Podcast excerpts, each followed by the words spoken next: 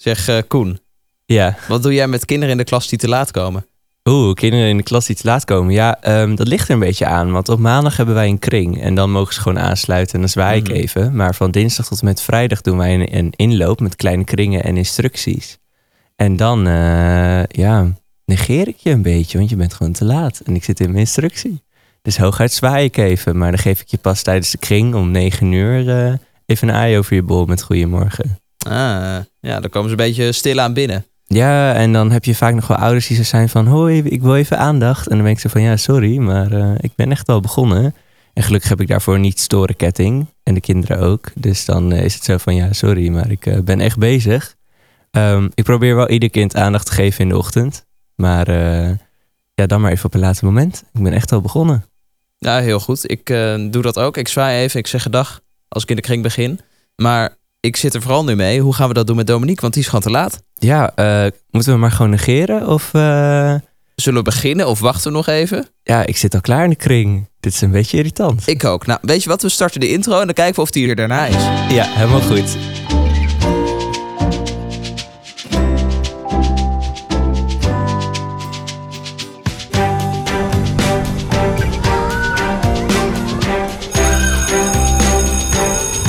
Kijk nou, weer we daar.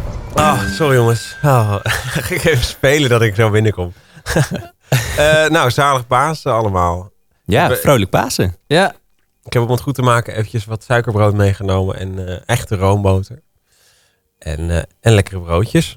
Dus ik hoop dat, dat het bij deze vergeven is. Hè? Want tenslotte Pasen is het feest van vergeving. Nou, prachtig. En op die eh, prachtige noot beginnen wij deze aflevering van de God dat zie je niet vaak podcast. Aflevering 4 van seizoen 3. We zijn beland in april. Moeten we trouwens nog onze naam zeggen? Oh ja. Oh ja, kennen mensen ons al na vier afleveringen in dit seizoen. Zal ik dan aftrappen? Ja, is goed. Mijn naam is Sander, beginnend kleuterleerkracht. Eh, mijn naam is Dominique. eh, nog studerende kleuterleerkracht. En ik ben eh, Koen, eh, tweede jaar eh, leerkracht. En nu eh, voor de kleuters. En eh, samen gaan wij op zoek naar eh, de diepe krochten van het kleuteronderwijs die nog niet ontdekt zijn of nog niet besproken zijn.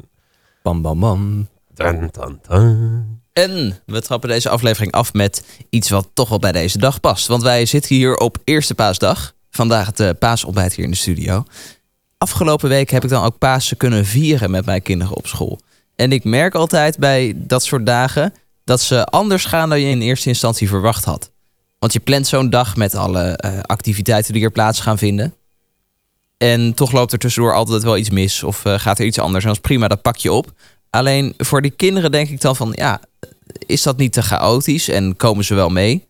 En wat ik dan probeer is om altijd een beetje een normale dagplanning te verweven in het programma van die dag. En dat is dan niet alleen met Pasen, maar ook met Kerst en Sinterklaas en eh, Koningsdag bijvoorbeeld. Dus dat je wel de dag in elkaar te ophangt. En begint met de kring waarmee je altijd begint. En om eh, tien uur een tien uurtje doet waar je altijd een tien uurtje hebt. Om op die manier een beetje structuur te bieden voor die kinderen. En door dat te doen merk ik dat de feestdagen wel rustiger verlopen dan wanneer ik dat niet doe. Want bij Sinterklaas was ik dat een beetje vergeten. En Pasen is veel ehm, rustiger verlopen dan Sinterklaas, eh, naar mijn idee. Al Sinterklaas nu natuurlijk ook wel een dag waarbij ze heel eh, hyped zijn omdat de Sint komt. Maar ehm, ik merk dat dat wel goed werkte. Hoe doen jullie dat met chaos op feestdagen? Laten jullie dan de boel een beetje de boel? Of bereiden jullie de kinderen er ook een beetje op voor? Of eh, probeer je ze houvast te bieden dankzij zo'n dagplanning? Ja, ik doe wel een beetje hetzelfde, net met zijn dagplanning inderdaad. Ik eh, dacht tijdens jouw verhaaltje net van zo, het zijn eigenlijk ook best wel een stelletje eh, autisten soms, die kleuters. Want als je het dan elke keer zo zeker. op hetzelfde maniertje moet doen Ja. om een beetje goede dag te hebben. Maar nee hoor, excuses. Maar ja, nee, ook dagritmekaarten inderdaad. Ja, klopt.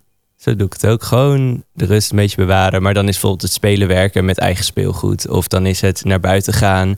Daar hangt opeens het kaartje van naar de kerk lopen. Of eh, dat soort dingen. Maar wel dezelfde regelmaat. Ja, Wil je gaan naar de kerk met de klas? ja, ja. ja. Ik Oh. eh, zit dan op een eh, christelijke basisschool. Hm. En dan om het jaar wisselen is van feestdag waarmee je naar de kerk gaat. Hmm. Dus we hadden een lichtjes toch met kerst, maar ja, die ging niet door, want lang leeft Nee. corona.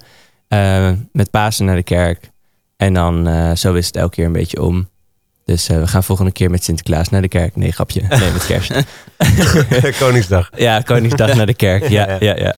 Ik, ik denk dat ik eerder er zelf vaak moeite mee heb dan de kinderen zelf. Want ja, die, die gaan gewoon door tot twee uur en zijn helemaal opgelaten. En dat ik meestal met mijn duo even afspreek van nou weet je, zo na, de, eh, na dit, dit activiteit eventjes, eh, weet ik veel, een filmpje opzetten of even naar buiten of even spelen werken.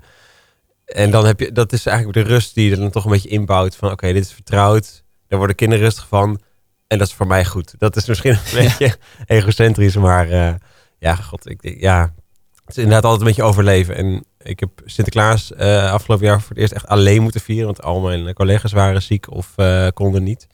En dat was wel hectisch dat je alles dan in het oog moet houden. En de Pasen, idem dito. Ik had echt een eh, hele hectische Pasen afgelopen week. Eh, maar ja, dat hoort er ook een beetje bij. Dat is, dat zo zijn feesten volgens mij nou eenmaal. Hè, als je met familie kerst viert, dan is het toch ook altijd een beetje hè, eerst hectisch. En achteraf denk je, oh, dat is toch wel leuk. Maar eh, ik denk dat ik hetzelfde heb met Pasen. Maar ik ben wel blij dat het achter de rug is. Nou, de tip van eh, Sander, dagritmekaarten. Ja, Ja. absoluut. En Ja. Niets ten kwade aan feestdagen. Want juist die chaos en de onverwachte dingen vind ik heerlijk. Zo hadden wij afgelopen woensdag met, het, eh, met de paaslunch een wissel van de klasse. Mijn groep 2 die vloog dan uit naar alle andere groepen in de school. Groep 1 bleef dan wel bij mij. Maar ik kreeg dan ook weer kinderen uit eh, eh, de hogere groepen bij mij in de klas. En er zaten er ook twee jongens uit groep 8. En die begonnen al met... eh, ja, meester Sander, gaan we wel beginnen met een liedje? Dus toen heb ik daar een beetje naar geluisterd. En heb ik het hele, de hele paaslunch in kleuterstijl gedaan. Begonnen met een spelletje. Eh, leg je handen op je hoofd als je klaar bent om te eten. Eh, leg je handen op je schouders als je klaar bent om te eten. En het was heel grappig om te zien dat eh, eigenlijk alle hogere groepen ook gelijk meededen in dat enthousiasme. En met het zingen deden ze mee. En nou, ze kennen het liedje dan niet helemaal. Dan zong een van mijn kleuters het voor. Dus zo worden die dagen ook alweer heel gezellig. Ja. En ik denk hoe meer je daar aan kunt overgeven en intussen die structuur een beetje in de gaten blijft houden voor de kinderen, dat er een beetje een leidraad is, hoe beter die feestdagen gaan verlopen. Ja, en ik vind die tradities gewoon fantastisch. Ik vind het gewoon mooi om die kinderen dat bij te brengen. Ik, eh, mijn ochtendkringen bestaan altijd sowieso uit tradities en culturen en weet ik allemaal wat. Ehm, en op zo'n feestdag dan kan je gewoon vieren waar die, eh, ja, waar die cultuur om gaat. En dat vind ik gewoon mooi om die kinderen mee te brengen. Dus af en toe mag die chaos wel er zijn om eh, iets te leren. Met die eh, fantastische feestdagen, ja, daar komen natuurlijk ook eh, organisatie bij kijken. En onder andere komen daar ouders bij kijken. Nou, en eh, nu was dit geen traditie, maar wij gingen met het thema boerderij. Dat zijn we deze week aan het afsluiten. Gingen we naar de kinderboerderij. Nou, echt fantastisch natuurlijk. En lammetjes, geitjes. En die kinderen waren helemaal enthousiast. En hoe komen we daar? Met papa's en mama's natuurlijk. Dus ik via Paro, fantastisch systeem, de ouders geregeld. En nou, die zijn dan wel heel enthousiast. Zelfs dat ik ouders krijg van het is al vol, maar mag ik nog mee? Dat je zo bent van, nou wat fijn dat je het vraagt. Eh, ja, sure. Eh, en dan op een gegeven moment denk je, nee, nu is het wel genoeg.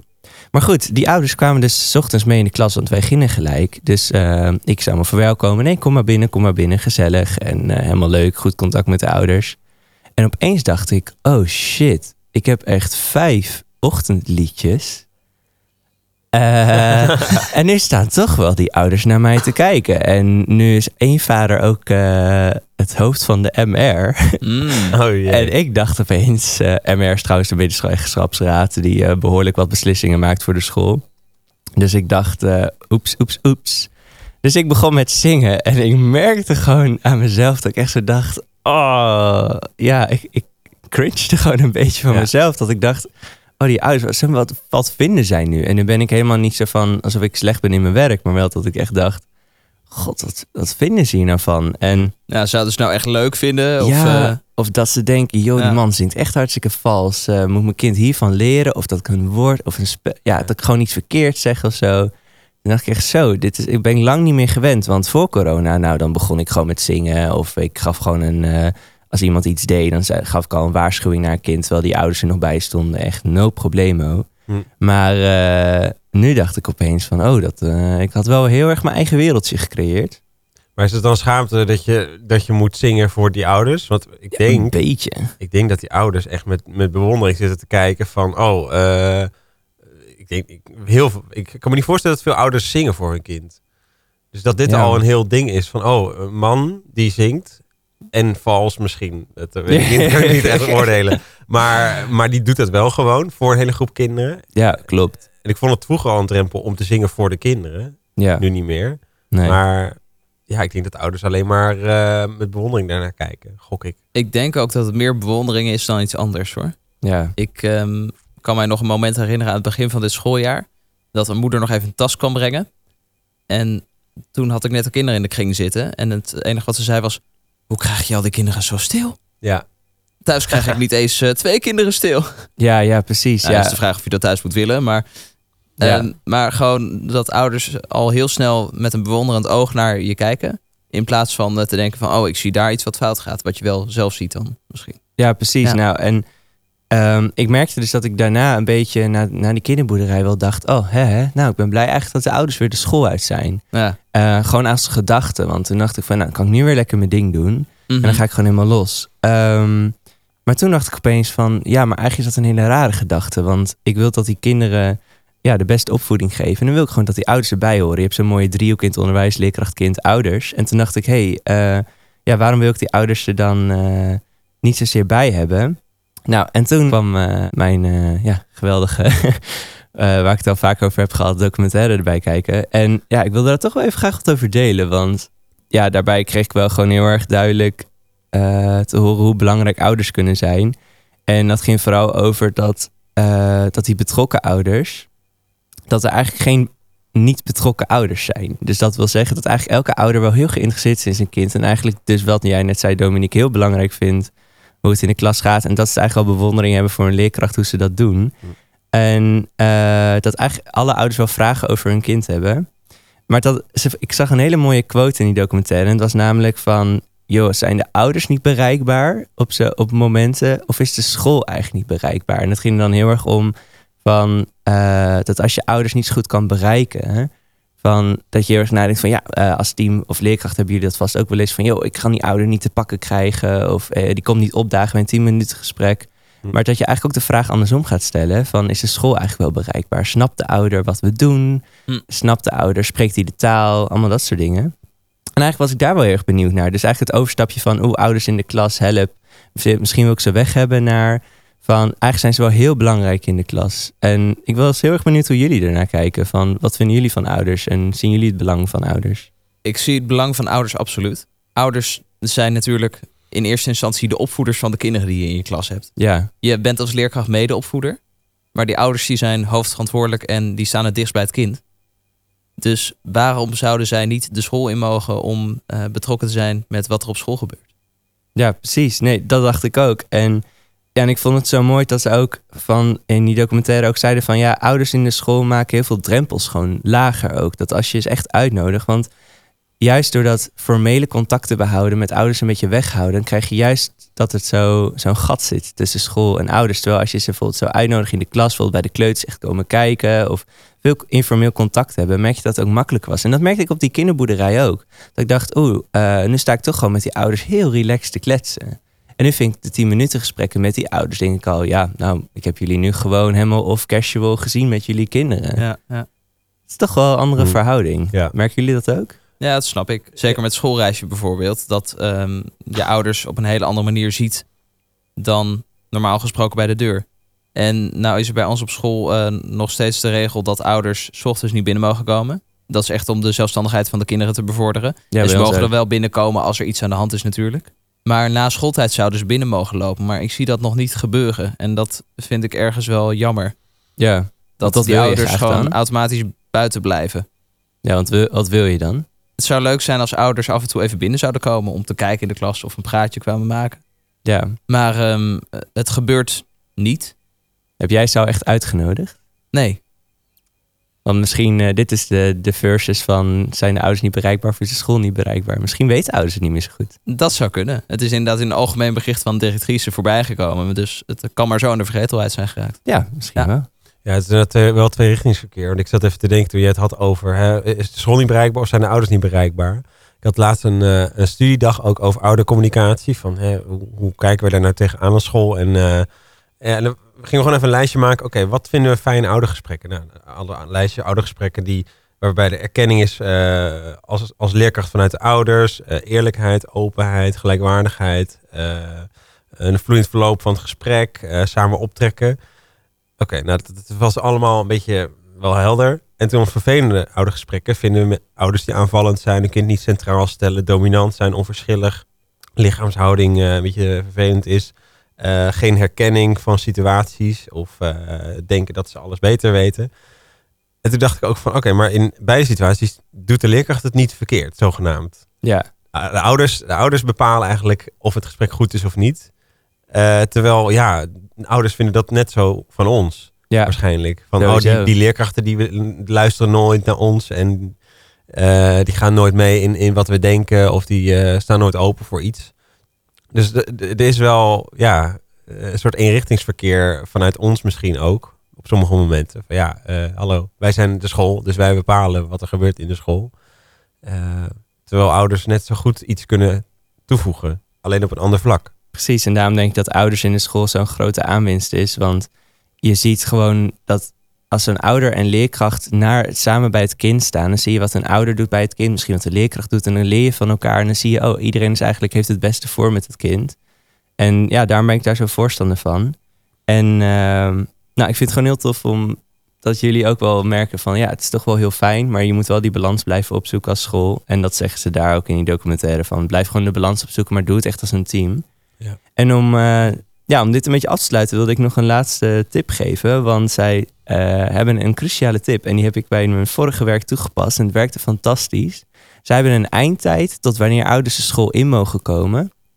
En daardoor zakte het te laat komen. Hoi Oh. Dominique. Enorm. Echt enorm. En eh, wat je dus merkt is dan, omdat ouders, ze wilden mee de klas in. Dus ze dachten, ja, eh, shit, als ik eh, later dan dat ben, mag ik gewoon niet meer mee.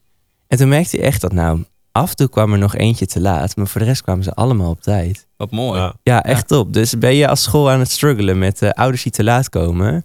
Eh, ja, stel een eh, maximale tijd in, waar, eh, tot wanneer ze mogen komen. Bijvoorbeeld tien over half, vijf over half, wat je ook maar wil. En dan eh, zul je zien dat het zal dalen. Ja, maar ja, als, als we dat hier gaan doen in de podcast, dan, dan, dan ben ik waarschijnlijk gewoon niet meer onderdeel van deze podcast. En dat zou toch wel jammer zijn. Dan kom je gewoon helemaal niet meer op dagen. Nee, nee, nee. Ja, gewoon te laat, te laat. Goed. Ik wil het even met jullie hebben over een, een beetje een vreemd fenomeen. Ik, krijg, ik kan het niet echt goed verklaren. Eh, want soms gebeurt er in de kleuter, heb je in de kleuterkast kinderen die gedrag vertonen wat, wat gewoon een beetje onduidelijk is. Waarom, waarom doen ze dat? Bepaalde keuzes maken of gevoelens die ze hebben. Eh, en je weet dan niet zo goed wat je daarmee moet. en ik had het laatst, eh, hadden wij eh, vier weken achter elkaar eh, dansles in de ochtend van een dansjuf. En eerst maakten we dan een kring en daarna ging de muziek aan en werd er gedanst. En na ongeveer twee minuten begon er een meisje dan heel hard te huilen en te hyperventileren. Nou, ik neem erbij me en ik vraag wat er aan de hand is. En ze vertelt dat ze naar mama wil en dat ze naar de BSO moet. En, maar in directe aanleiding of trigger, dat, ja, die, die kon ik niet zo goed achterhalen. Tweede week gebeurt exact hetzelfde. We maken een kring en na twee minuten komt ze huilend naar me toe. En weer hetzelfde verhaal over de BSO en dat ze naar mama wil. En de derde week denk ik, oké, wacht, ik ga even kijken wat er nu gebeurt. Wa- Wat, wat gebeurt er precies waardoor ze gaat huilen? En ze staat in een kring, ze doet goed mee, ze lacht. En letterlijk twee tellen. In twee tellen zie ik het gezicht gewoon betrekken en huilt ze weer. En de vierde week is het weer precies hetzelfde. En ik had ouders al via Paro een appje gestuurd. En ik spreek moeder ochtends bij de deur en die zegt... Ja, ehm, ja eh, ze, ze vraagt of, eh, of ze nog dansles hebben. Want eh, ze vond de stem van de juf zo mooi.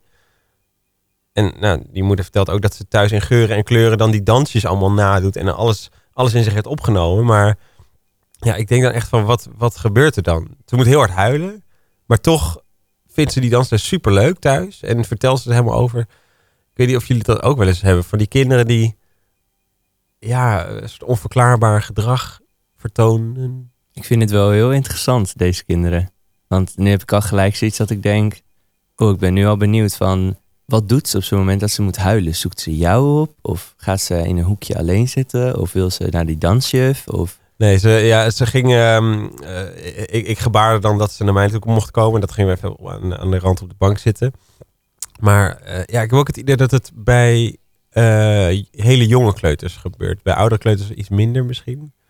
Ehm, alhoewel.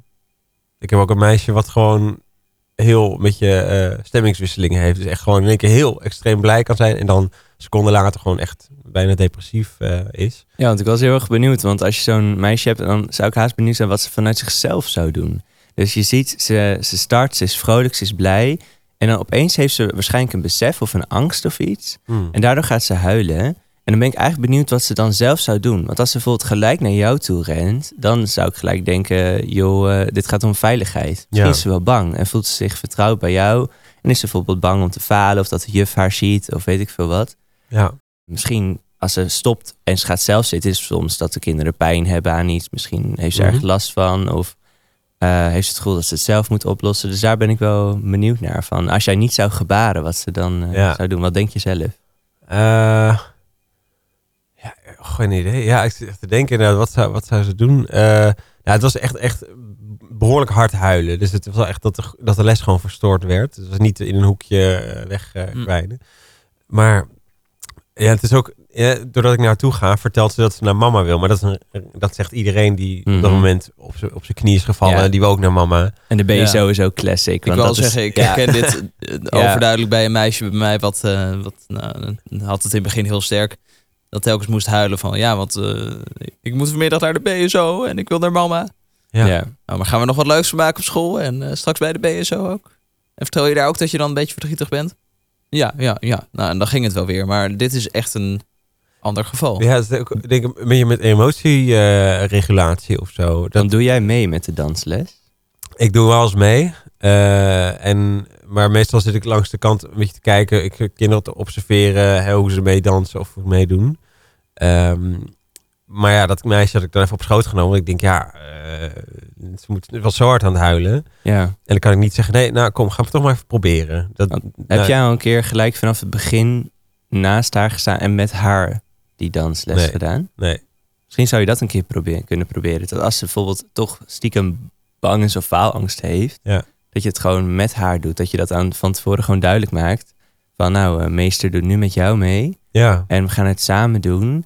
En ehm, nou, van proberen kun je leren. Doe je van, van die magische Xenos-spreuken, gooi je er even in. ja, ja. En Home is eh, where the is. Oh, nee, dat is ja, een andere. Sorry. ja, Home Sweet Home, gooi je er even in. en eh, Live, Life, Love en weet ik allemaal wat. Oh, ja. En dan, eh, nee, misschien kan je zoiets proberen. Dat je haast Ja. een soort interventie ervan maakt. Mhm. Maar het is wel bizar hoor, dat ze ook zo overstuur raakt. ja, En het dan niet zegt. Wat is ze verder wel talig en zo? heel talig. Ja, Ja, bizar. Ja, ja, ja. Nee, het hebben inderdaad de ouders ook best wel eh, talige eh, eh, vakken, volgens mij. Maar ja, daar, daar, dat, dat vind ik wel lastig. Want zo'n kind is dus talig heel ver. Dus je denkt vaak van, oh, die redt zichzelf wel. Maar emotioneel dus niet. Nee. En dan gaat het dus mis. Ja, emotieregulatie. Ik zou haast even gaan googlen op executieve functies. Ja. En dan emotieregulatie. Kijken wat voor oefeningen je daarvoor kan Ja, doen. ja, ja. Misschien eh, dat je een plaatje van dans eh, eh, kunt pakken. En dat zij de smileys bij moet leggen. Ja, En dat je dan bij de smileys gaat vragen van... waarom leg je die smiley erbij? ja als dat- zij, dat- als zij alleen maar blije dingen doet... Mm. dan is het nog steeds... dan is het nog dat je denkt van... Ja. dan? het, het, het enige, hè, dat, ik vond het bijzonder dat ze moest huilen. Maar goed, hè, Ja. dat kan gebeuren van de spanning. Ja. Maar dat er dan het verhaal thuis is. Dat ze dat Ja. super leuk vond. En helemaal opleefde toen ze erover vertelde. Dan denk ik, hè? Dit herken ik helemaal niet. Maar Nee, ik dit- heb dat, dit nog eh, niet meegemaakt. Dus ik, eh, gok, nu- ik geef nu een beetje mijn... eh, wat gewoon in me opkomt Ja. als advies. Maar ik vind het wel een... eh, Ja, ik vind Lastig, het ook een hoor. bijzonder geval. Want Ja. ik, ik ken inderdaad het, het BSO en mama verhaal, maar dat houdt dan vrij snel op. Het is nooit tijdens een specifiek moment. Ja, lang leven afleiding. Dus dan zijn ze bang voor Precies, de BSO en je leest ja. wat voor. En het is zo van, nou, ik heb een gelukkig leven. En ik ken ook het moment van emotieregulatie, dat sommige kinderen het er heel lastig mee hebben. Maar dat zijn dan ook kinderen die dan eventjes rustig kunnen worden en dan precies kunnen vertellen wat er is gebeurd. ja. Mocht er nou een luisteraar van deze podcast zijn eh, die denkt, hey, ik weet wat hier aan de hand is, stuur ons even een berichtje via Instagram. Dat is God dat zie je niet vaak. G-O-H, dat zie je niet vaak. En dan eh, kunnen we het in de volgende aflevering weer meenemen. Ja. En als je dan toch bezig bent, laat gelijk even weten of je al de klassendocumentaire hebt gekeken. Ik ben wel benieuwd. ja. Staat ook in de show notes. Staat ook in de show notes. Maar goed, Dominique, wat fijn dat jij in ieder geval al getroost hebt. Ja, ja, ja, ja, ja. Een klein, klein bruggetje. Ik zit, ik zit nu even in het draaiboek te kijken, maar het is eigenlijk, ja, eh, misschien wel een onderwerp wat hier redelijk aan gelinkt is. Ehm, want troosten in de klas, hè, eh, in de kleuter is, is het aan de orde van de dag. Kinderen die eh, tot tranen toe, eh, naar je toe komen. De een voor een, nou ja, minuscuul gaatje in, de, in een pink. En de ander die eh, zijn hoofd op de rand van de zandbak heeft gestoten. Maar wanneer neem je een kind serieus en wanneer niet? Want ik heb heel vaak dat ik denk, ja, hallo, wat, wat is dit nou? Je gaat toch niet om huilen? Maar ja, dat is voor ons heel normaal. Voor een kind kunnen ze van een mug een olifant maken. Dus wat zeg je dan? En hoe troost je? En wanneer, wanneer neem je kind op schoot en wanneer niet? En hoe denken jullie daarover? Ik ben wel benieuwd. Ik denk dat het vooral met de band te maken heeft. Dat je de kinderen gewoon door en door moet kennen. Ik heb een meisje dat om ieder wisselwasje huilt. En dan zeg ik, eh, nou zeg ik, eh, hoe, eh, hoe zullen we het er even noemen? Laura. Dan zeg ik, nou Laura, serieus? En dan begint ze te lachen. Mhm. En dan denk ik, ja, sorry, maar ik ga jou nu niet serieus nemen. Dit, heeft helemaal, dit slaat echt nergens op. Nee. Terwijl bij andere kinderen die bijvoorbeeld juist wat stoerder zijn en die opeens huilen, ja, dan schrik ik altijd heel erg. En dan denk ik, oh, eh, oeps, nu is er echt wat aan de hand. Ja, het is een beetje een afweging tussen frequentie en ernst. Ja, Dus ja. frequentie, hoe vaak Mooi een kind huilt. Dus inderdaad, als je de La- een Laura in de klas hebt. Ik heb ook wel een Laura in de klas die dan eh, bij alles begint te huilen. Zelfs met het opruimen als ze nog met iets bezig is. En ik zeg, we gaan zo meteen opruimen. Dan komt ze al naar me toe. Maar meester, ik wil nog even afmaken. En dan zeg ik, Laura, morgen kan het ook weer. Dus stop nu even met huilen. Oh ja, oh ja. Ja. Nou, en dat, dat type kind heb je inderdaad in de klas. Maar je hebt ook kinderen die inderdaad nooit naar je toe komen of eh, nooit echt eh, hoeven te huilen. En als die opeens huilen, ja, dan weet je dat er echt iets aan de hand is. Dus het is een Ja. beetje inschatten, denk ik. Ja, Ja. een beetje aanvoelen inderdaad. En ook per kind is het troosten weer anders. Ik heb een meisje in de klas waar ik heel goed eh, bij kan zeggen als ze is gevallen. Van, eh, nou, kun je, kun je nog naar me zwaaien? Mhm. Nou, dat lukt dan nog. Kun je nog een high five geven? Lukt dan ook. Kun je mij nog slaan? Dan geeft ze even een klap op mijn arm en dan, eh, dan is het ook weer goed. En dan rent ze weer lachend verder. En bij een ander kind dat op dezelfde manier valt, dan moet ik echt een arm eromheen slaan en eventjes eh, bij me laten zitten. Want Ja. anders gaat het verdriet niet over. Dus Ja. het is inschattingsvermogen en eh, Ja, kijken naar het kind. Inderdaad op het schoolplein al een beetje tactiekjes dat ik... Hè, ik zit dan, zit dan vaak gewoon op een stoel aan de rand van, de, van het schoolplein.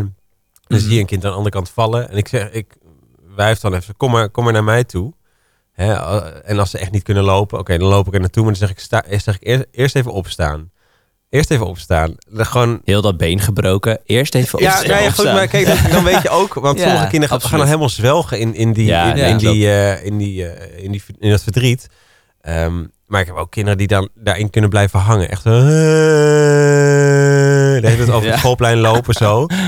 En ik ben van de week een jongetje gelopen. Ik zeg, stop, nu hou je even op. Want je bent eh, een kwartier geleden eh, ben je tegen de deur gelopen. Nou, dat is nu wel over. En ik snap dat je, dat je het vervelend vindt, maar je hoeft niet zo als een sirene over het plein te gaan lopen huilen. Want dat is niet, nergens voor nodig. Andere kinderen hebben het ook wel eens meegemaakt en die gaan ook niet huilen. Dus alleen dat voelt dan heel ehm on, onempathisch. Is Ja, dat een woord? Ja, al is het denk ik soms wel goed of zo. Ik heb een onderwijsassistente. Die kan het ook heel mooi verwoorden. Ik ben liever eh, dan dat zij is. Niet op een negatieve manier bedoeld hoor. Maar, ja. ehm, maar zij kan dan inderdaad ook tegen kinderen zeggen: Heb je pijn? Nee? Nou, stop dan met huilen. Ja, zo, lekker innerlijke, innerlijke pijn, ja. Maar dat is wel... Niet nee, dat sommige- zij compleet gevoelloos is, maar het is Nee, wel duidelijk. af Maar er wordt soms wel eens gezegd dat je even het, moet, het gevoel moet erkennen of zo. Ja. Maar heel vaak denk ik, ja, ik, vind, ik wil het niet erkennen, want ik vind het beetje aanstellerig of zo. Maar ja, ben, is dat, ja, Ja, ik zou het een beetje hard? per kind gewoon bekijken. Ja. Want je hebt inderdaad kinderen die ze zijn van, Ja. maar meester. En dan ben ik zo van, eh, serieus, stop nu gewoon. En je hebt ook kinderen die inderdaad echt huilen en dan troost je ze en dan, nou, komt goed. En even aai over de bol. En je hebt ook kinderen die gewoon af en toe echt kapot zijn en gewoon moe. En dan Precies, zeg ik gewoon van, joh, eh, ga maar even... eh, ja, we hebben dan zo'n rustplek in de klas en zeg, nou, ga maar even hier zitten. En dan laat ik ze eigenlijk ook gewoon. Dan denk ik, ja, dat is Mm. nu wel goed. Het is gewoon heel erg aanvoelen per kind, denk ik. Dus je handleiding voor je 30 guppies eh, moet je gewoon klaar hebben liggen. Ja, ja, ja. Ja, ik ben de, inderdaad tegen de ene ben ik gewoon strenger dan de andere inderdaad. Zo'n kind eh, de hele dag zit te zeuren, komt er naar je toe van ja meester, ik ben moe, ik moet dit of ik moet dat. Ik wil naar huis, of ik ben ziek. En dan zeg ik altijd van nou weet je, ik hou je een beetje in de gaten. eh, maar, dan zie je dat kind dan weer rondrennen en, en springen en heel druk doen. En daarna weer, meester, ik ben weer ziek. Ik ben weer, ik ben niet zo lekker. Ja. En dan denk ik, ja, wacht even. Dit is, dit is niet helemaal. En dan zeg ik dan ook van ja, maar je was net aan het springen, dus hier, dit vind ik een beetje onzin. Ja, maar ik ben echt ziek. Ja, nou weet je, dan, dan is het voor mij snel klaar. Het meest mooie is dat ze dan nog zeggen, kun je dan de telefoon pakken? Ja. Dat ze al precies weten wat er moet gebeuren. Ja, ja, Om weg te komen, ja. Nee, ik ben echt ziek. Ja. En dan zegt, eh, er zei een jongetje, ja, ik heb overgegeven. Dan zeg ik, waar dan? Nee, toch niet. ja, is Oh, fantastisch. Ja. En dan krijg je ook vast een ouder. Dus daarom heb je weer goede oude betrokkenheid. Maar nee, dan krijg je weer zo'n ouder die dan ook zo zegt... Ja, ik heb er dan opgehaald en niet dat jij er iets aan kan doen. Maar zodra we weg waren, speelden ze in de speeltuin. ja, ja. En dan denk ik ook wel eens van... Ai, oeps. Betrapt. ja. maar goed. Ja, goed. Dan even totaal iets anders. Namelijk de wereld van mobiele apparaten.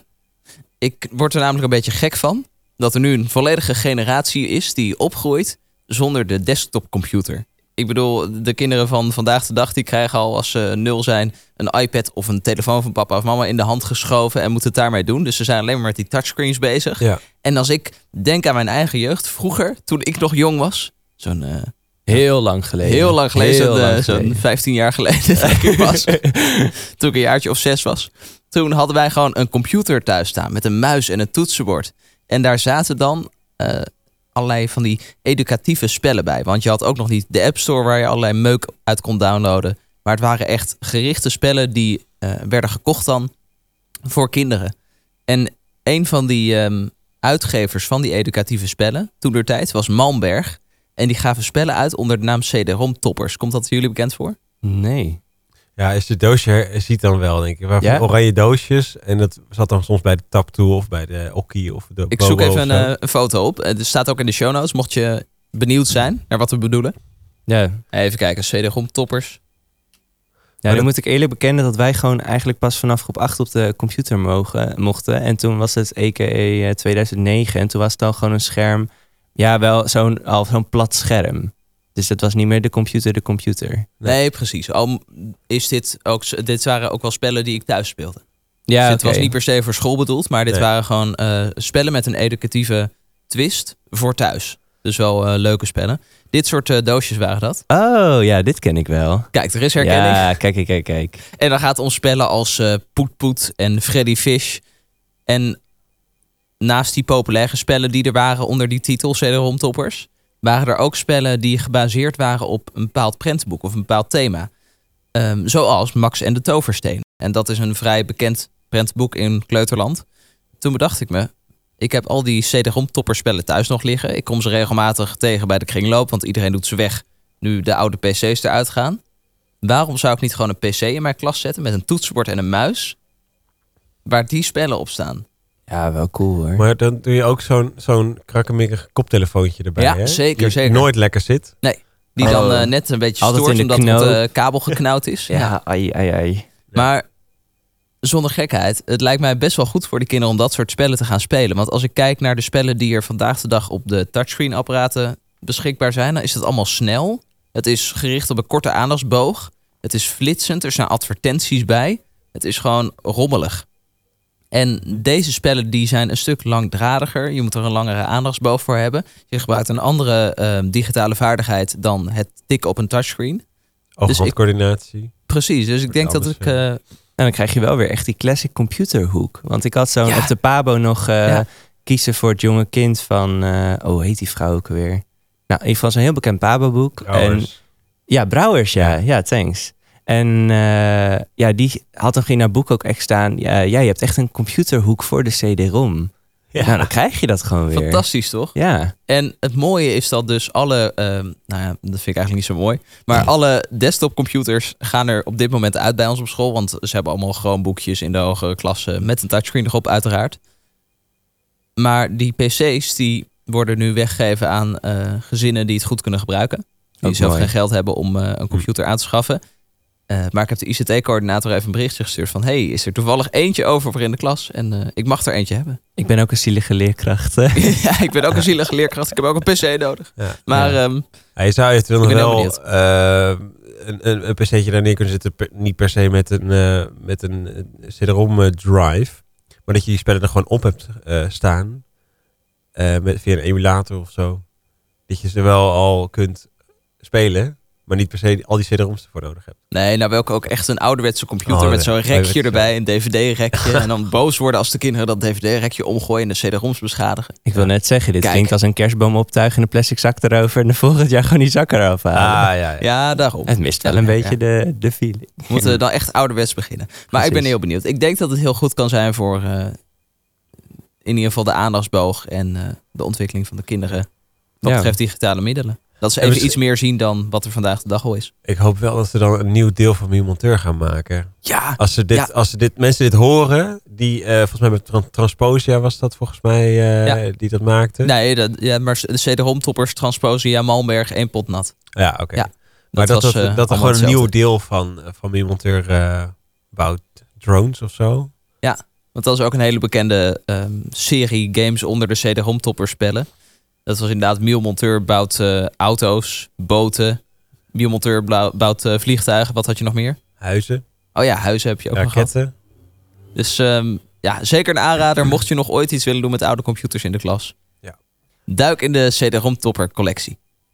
Nou, we begonnen al even met kinderen die te laat zijn. Ja. Maar nu ga ik het classic voorbeeld zijn van eh, kinderen die eh, eerder weg moeten. Want ik moest net als eh, vorige week maandag, dinsdag, woensdag, donderdag en vrijdag eh, naar de tandarts. Oh, en daarvoor ja, moet ik ja, echt ja. eh, vijf voor half negen eigenlijk gewoon weer alweer weg. Voordat we zijn begonnen, want ik heb om twee uur mijn afspraak. Ja. Dus eh, Ja, of en, jullie het en ook... is natuurlijk net eh, buiten Amersfoort waar je woont. Ja, ja. Ja. Hey, Dus, gaan ook, eh, eh, gaan een weekendje weg, hè? dus dan moet je Ja. ook wel net wat eerder opgehaald worden, zodat je snel naar Zeeland had- kunt. precies. En ik had verlof aangevraagd, maar het werd geweigerd. Dus nou, we doen het gewoon alsnog. eh. Ja, Ja, je Dus, gaat naar de, de tandarts. toch? Ja, ik ga naar de tandarts en de arts en ik ben zwanger en alles tegelijk. we knijpen een oogje toe. Dus eh, hopelijk eh, vind je dat oké en hopelijk stoort het je lessen niet en anders geef je maar wat mee. eh. ja, nee, eh, helemaal goed. Hey jongens, eh, bedankt voor vandaag Ja, en eh joejoe. Joejoe. Doeg. Ja. Wat, eh, wat doe jij eigenlijk met, eh, met kinderen die eerder weggaan? Nou ja, ik had dus laatst ik, de grote fout begaan dat ik een kind naar huis heb laten gaan, eh, want die ging op vakantie. Alleen er was een kind dat al vijf was, dus officieel leerplichtig. Oeh. Ja. En dan, ja, ik wist, ik wist even niet hoe dat met verlof werkt en zo. Dus ik zei van, ah joh, pff, weet je, een dagje, maakt niet uit. Kreeg ik toch wel even de directeur die zei, ja, maar volgende keer wel even, even melden. Even langs mij, hè? Even melden, want dit is niet de bedoeling. En toen dacht ik, oei, zo, eh, zo flexibel zijn kleuters nou ook weer niet. Nee, Dat nee. zomaar even een Mhm. dagje thuis mogen blijven. Dat, eh, dat niet. Nee, dat is bij ons ook. Ook al zijn ze vier, dan moet er wel eigenlijk voor zo'n periode... Het, het is niet vereist, maar het is wel gewild. En eh, eh, dan moet er eigenlijk eventjes een formuliertje langs Ja. de directrice. Ja, Ja. ik heb wel heel vaak het, dat ik het overzicht soms niet heb. Dan zitten we, zijn we aan het buitenspelen, zit ik op het plein en ineens komt er een moeder die zegt, ja, ik, ik kwam hem ophalen voor een logopedie. Ik oh ja, eh, nou, tot morgen dan, doei. En dan, Super. Ja, en dan denk fijn. ik van, oh ja, volgens mij is dat ergens langsgekomen, maar, ah, weet je, neem hem maar mee, Joost. dat is Precies. mijn tactiek. Nou, goed, Je bent er gewoon heel makkelijk in. eigenlijk wel, ja. Daar zijn we weer. Aan het eind. Ja, het, het gaat vlot, de aflevering. Het was eh, geen extreem lange aflevering ook. Nee, we hoorden, we hoorden al van vrienden van Koen dat het lange afleveringen waren. Dus we hebben ietsjes ingekort. Ik, eh, ik snap niet wat er te lang aan is dan. Nee. Mocht je nou feedback hebben over de lengte van de afleveringen, vind je hem te kort of vind je hem te lang, laat even weten. En mocht je nou iets gehoord hebben waarvan je denkt van, hé, hey, dit klopt niet helemaal, dit is foutief vermeld, stuur het ook even door, want dan kunnen wij het in de volgende aflevering meenemen. Of eh, toe- leuke toevoegingen of opmerkingen van, eh, nou, heb het hier een keer over. Dat kun je ook allemaal doorsturen. Absoluut. Dat kan via Instagram, dat is goh, dat zie je niet vaak. G-O-H, dat zie je niet vaak. En dan komt het bij ons binnen rammelen, dan nemen wij het weer mee. Nou, mijn vakantie. Het zit weer, ja, mijn vakantie, twee weken. Ik vind twee weken best wel lang. Ja? Ja, net als bij de kerstvakantie duurde afgelopen jaar drie weken. En dan ben je toch wel kinderen eh, twee weken uit het oog eh, verloren. Ja, op die manier. Maar goed, ja, ja, ja. Ik ga nog eh, een dagje eventjes op school een thema voorbereiden. We gaan over, Oeh. over water hebben. In de breedste zin van het woord. Dus dan gaan we een heel leerplein omtoveren tot een onderwaterwereld. Tof. Wel heel spannend en leuk. Veel plezier ermee en tot na de vakantie dan. Fijne vakantie. Fijne vakantie iedereen, ook als je luistert naar deze podcast. Doei! you.